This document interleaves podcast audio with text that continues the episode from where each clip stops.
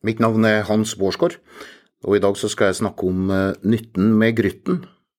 Om at eh, det er noe veldig rart med inntektsutvalget for jordbruket. Hvordan måler vi bønders arbeidsinntekt på en måte som kan sammenlignes med andre?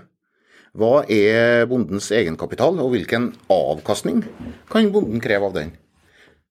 Spørsmålene til inntektsutvalget for jordbruket, det såkalte Grytten-utvalget, er fundamental for bøndenes inntektsutvikling og for framtidas matproduksjon her i landet.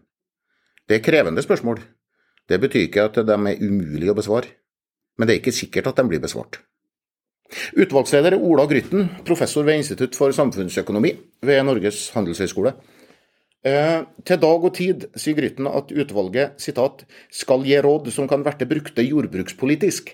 Vi må ta omsyn til hva som er gangbart, og hva som kan nyttes politisk. I samme artikkel sier Bondelagets leder Bjørn Gimming at citat, dette er et fagutvalg, og vi har ikke påvirka politisk. Det skriker ut et spørsmål her, hvordan kan et utvalg som tar hensyn til hva som er gangbart politisk, samtidig levere faglige svar adskilt fra politikk? Signaler fra innsida av utvalget tyder på at nei, det går ikke. Det er betydelige spenninger internt, Eh, og det stusses på hva utvalgsleder Grytten og bondelagsleder Gimming har kommentert de siste dagene. Til Landbrukspodden, en podkast i regi av Norges Bondelag, så sier Ola Grytten at noen vil gjerne at vi skal komme fram til resultat som viser at bonden tjener vanvittig godt. Noen vil ha resultat som viser at bonden tjener veldig lite. Det som Grytten ikke sier, det er at de her kreftene sitter inne i utvalget og jobber, og at det er de førstnevnte som synes å være i flertall, altså dem som vil ha resultat som viser at bonden tjener vanvittig godt.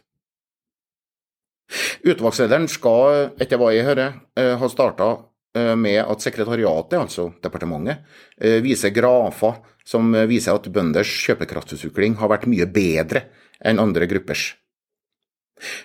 Så har det lenge vært uenighet internt i utvalget om kapitalberegninger.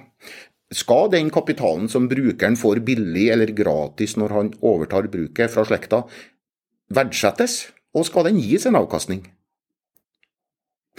Det er ikke bare statlig tilknytta representanter, men også flere av representantene med bondebakgrunn som er negative til det.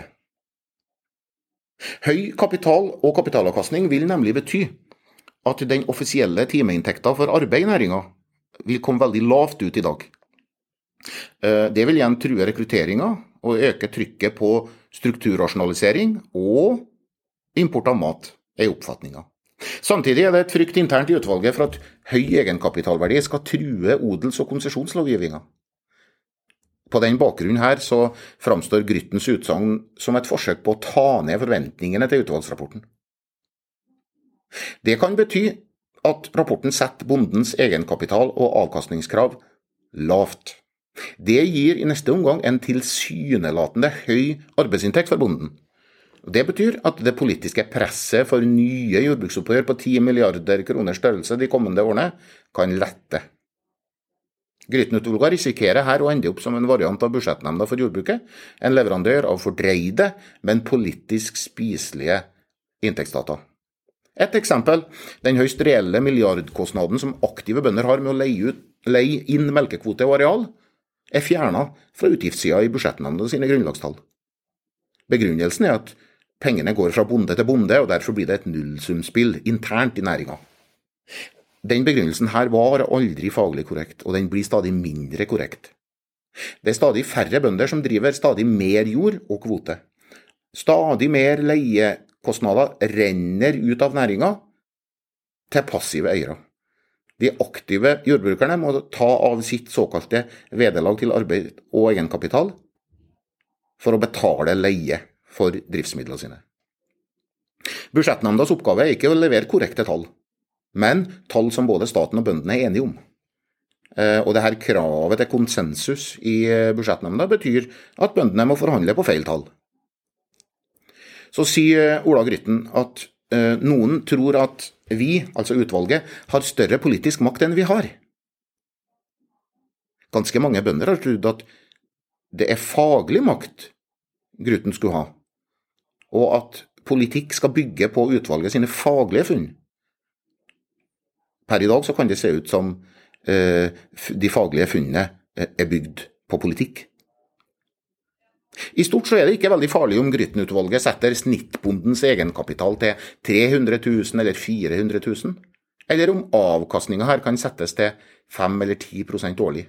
Det som er viktig, det er at ingen lenger kan late som om bøndenes kapital- og avkastningskrav ikke finnes.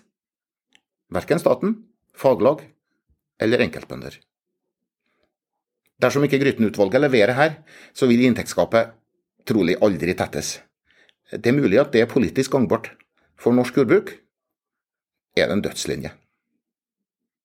Dette har vært en kommentar fra Hans Bårdsgaard. Ha en fortsatt riktig god dag.